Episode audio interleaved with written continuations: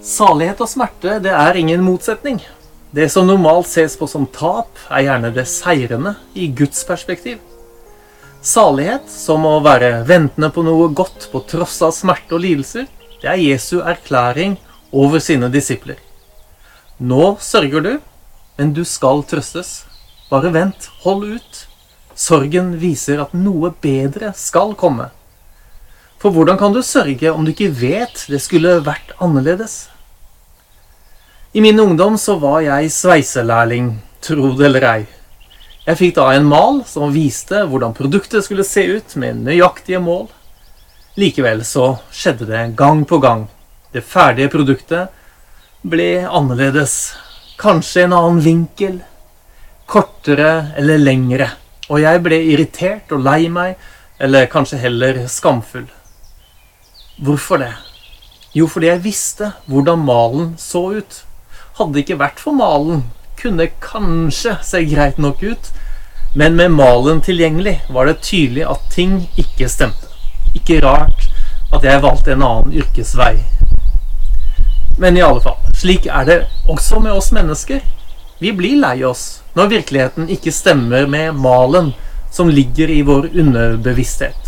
Hvorfor skulle vi ellers bli triste når ting blir litt skeivt eller galt? Ja, for galt i forhold til hva? I forhold til malen Gud har gitt menneskene. For vi har en forventning til hvordan ting egentlig skulle ha vært. Det viser sorgen oss. Hvorfor skulle vi ellers sørge om vi ikke visste bedre? Sorg det kan handle om flere ting. Sorg over at livet ikke gikk som en håpet. Sorg over at en selv har gjort gale og dumme ting. Sorg over andres gale handlinger eller holdninger. Sorg over noe som er ødelagt. Det kan være kroppen, sinnet, relasjoner eller materielle skader. Sorg over all lidelse som finnes i verden. Sorg over død. Vi ser at sorg er bevissthet om at ting ikke er slik det skulle ha vært. Mor skulle f.eks. ikke vært syk. Far skulle ikke vært død. Covid-19 skulle ikke blitt spredt slik at mange tusen mennesker dør eller mister jobben. Det er blitt sagt at alt blir bra til slutt. Og er ikke alt bra, er det enda ikke slutt. Sorgen viser at det enda ikke er slutt. Sorgen viser hva som er galt, og at vi lengter etter noe bedre. Kanskje det fullkomne, til og med. Det er ganske mange ganger jeg blir lei av meg selv, blir trist pga. min oppførsel, noe jeg sa, noe jeg gjorde eller ikke gjorde, ler på feil sted, mennesker som blir såret, ja, at jeg er for selvopptatt og glemmer de rundt meg, eller at jeg var en sveiselærling som bare kløna det til. Men sorgen viser at jeg ikke er ferdig med å utvikle meg, at det enda ikke er slutt. Om sorgen ikke hadde vært der, ville det vist at jeg er fornøyd med hvordan jeg er. Men sorgen viser at det er potensial for forbedring.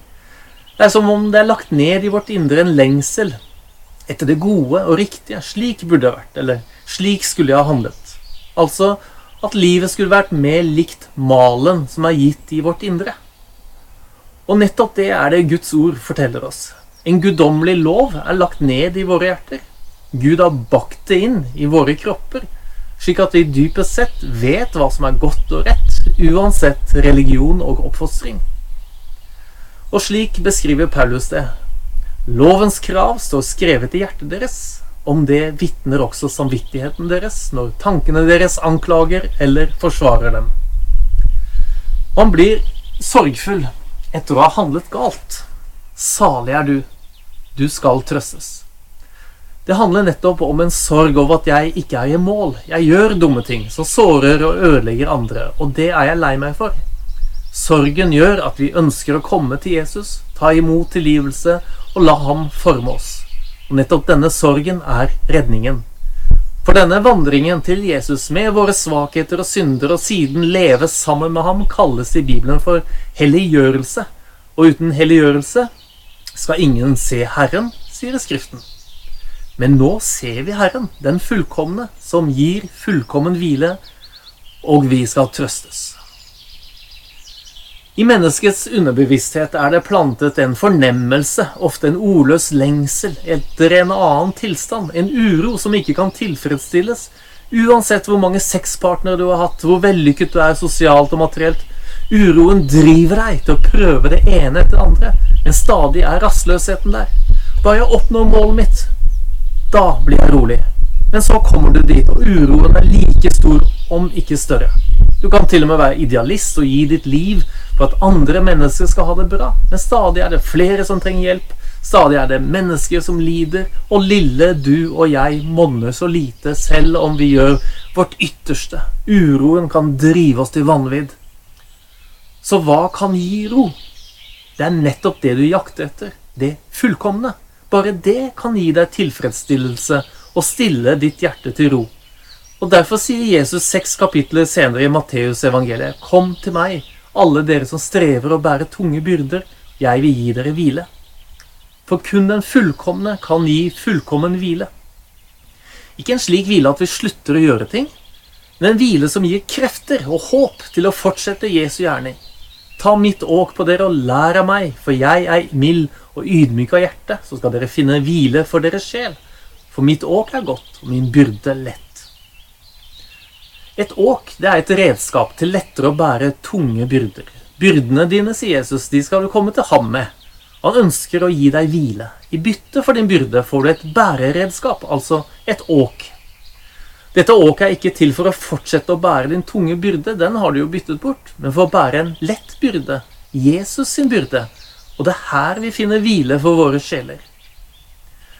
Hva denne byrden Jesus snakker om her, tror jeg er ganske individuelt. Men mest sannsynlig så er det ulike oppgaver, kall og tjenester Jesus vil lede deg til. Det kan, være, kan også være holdninger og livsstil som skal endres. I det store og hele handler det om å komme til Jesus, legge fra seg alt sitt og lære av ham som er mild og ydmyk av hjerte. Så skal du finne hvile for din sjel. Du skal trøstes. Når Jesus gjorde mirakler i evangeliene, står det gjerne at det var et tegn. Et tegn betyr at det er noe som vises på forhånd, men fullstendig og fullkomment kommer det senere. Jesus har helbredet mange, likevel var det også mange han ikke helbredet. Men de som ble helbredet, var et tegn på det som en dag skal komme. Så lenge det fullkomne ikke er her, søker vi tegn og sørger når lidelse og ondskap skjer. Men sorgen fører ikke til passivitet. Heller fører det til å leve ut Guds rike som et tegn for verden, slik at de også kan se lyset og prise sin far i himmelen. Du som sørger over mangel på mirakler og omvendelser. Du skal trøstes. Likevel, den fulle trøsten får vi ikke her i verden. Den får vi først når alt det onde forsvinner, all lidelse og død er borte, og hele skapelsen er i harmoni. Når verden igjen stemmer overens med malen. Han skal tørke bort hver tåre fra deres øyne, og døden skal ikke være mer. Heller ikke sorg eller skrik eller smerte, for det som en gang var, er borte. Han som sitter på tronen, sa, Se, jeg gjør alle ting nye. Sorgen og uroen vi har i dette livet, viser at alt er ikke slik det en gang skal bli. En gang skal Gud gjøre alle ting nye. Vi skal trøstes. Det er ikke bare du som kjenner på denne lengselen, dette håpet om at en dag skal all lidelse være over. Hele skapelsen, sier Paulus, sukker og stønner som rier i lengsel etter denne tilstanden. Og nettopp det gir oss håp og trøst. For hvordan kan man lengte etter noe man ikke kjenner til? Hvordan vet man at noe er ødelagt, om en ikke har en erfaring eller et bilde av hvordan det egentlig skal være? En mal. Dermed så sørger og lengter vi sammen med hele verden, ja, hele skapelsen etter forløsningen. Vi skal trøstes. Derfor, søsken, skylder vi ikke vårt kjøtt og blod noe, så vi skulle leve slik det vil. For hvis dere lever slik kjøttet vil, skal dere dø. Men hvis dere ved ånden dreper kroppens gjerninger, skal dere leve. Alle som drives av Guds ånd, er Guds barn. Dere har ikke fått den ånden som slavene har, så dere igjen skulle være redde. Nei, dere har fått Ånden som gir dere rett til å være Guds barn, den som gjør at vi roper Abba, Far. Ånden selv vitner sammen med vår ånd om at vi er Guds barn. Men er vi barn, er vi også arvinger. Vi er Guds arvinger og Kristi medarvinger. Så sant vi lider med ham, så vi også skal få del i herligheten sammen med ham. Jeg mener at det må vi lide i den tiden som nå er, ikke kan regnes for noe mot den herligheten som en dag skal åpenbares og bli vår.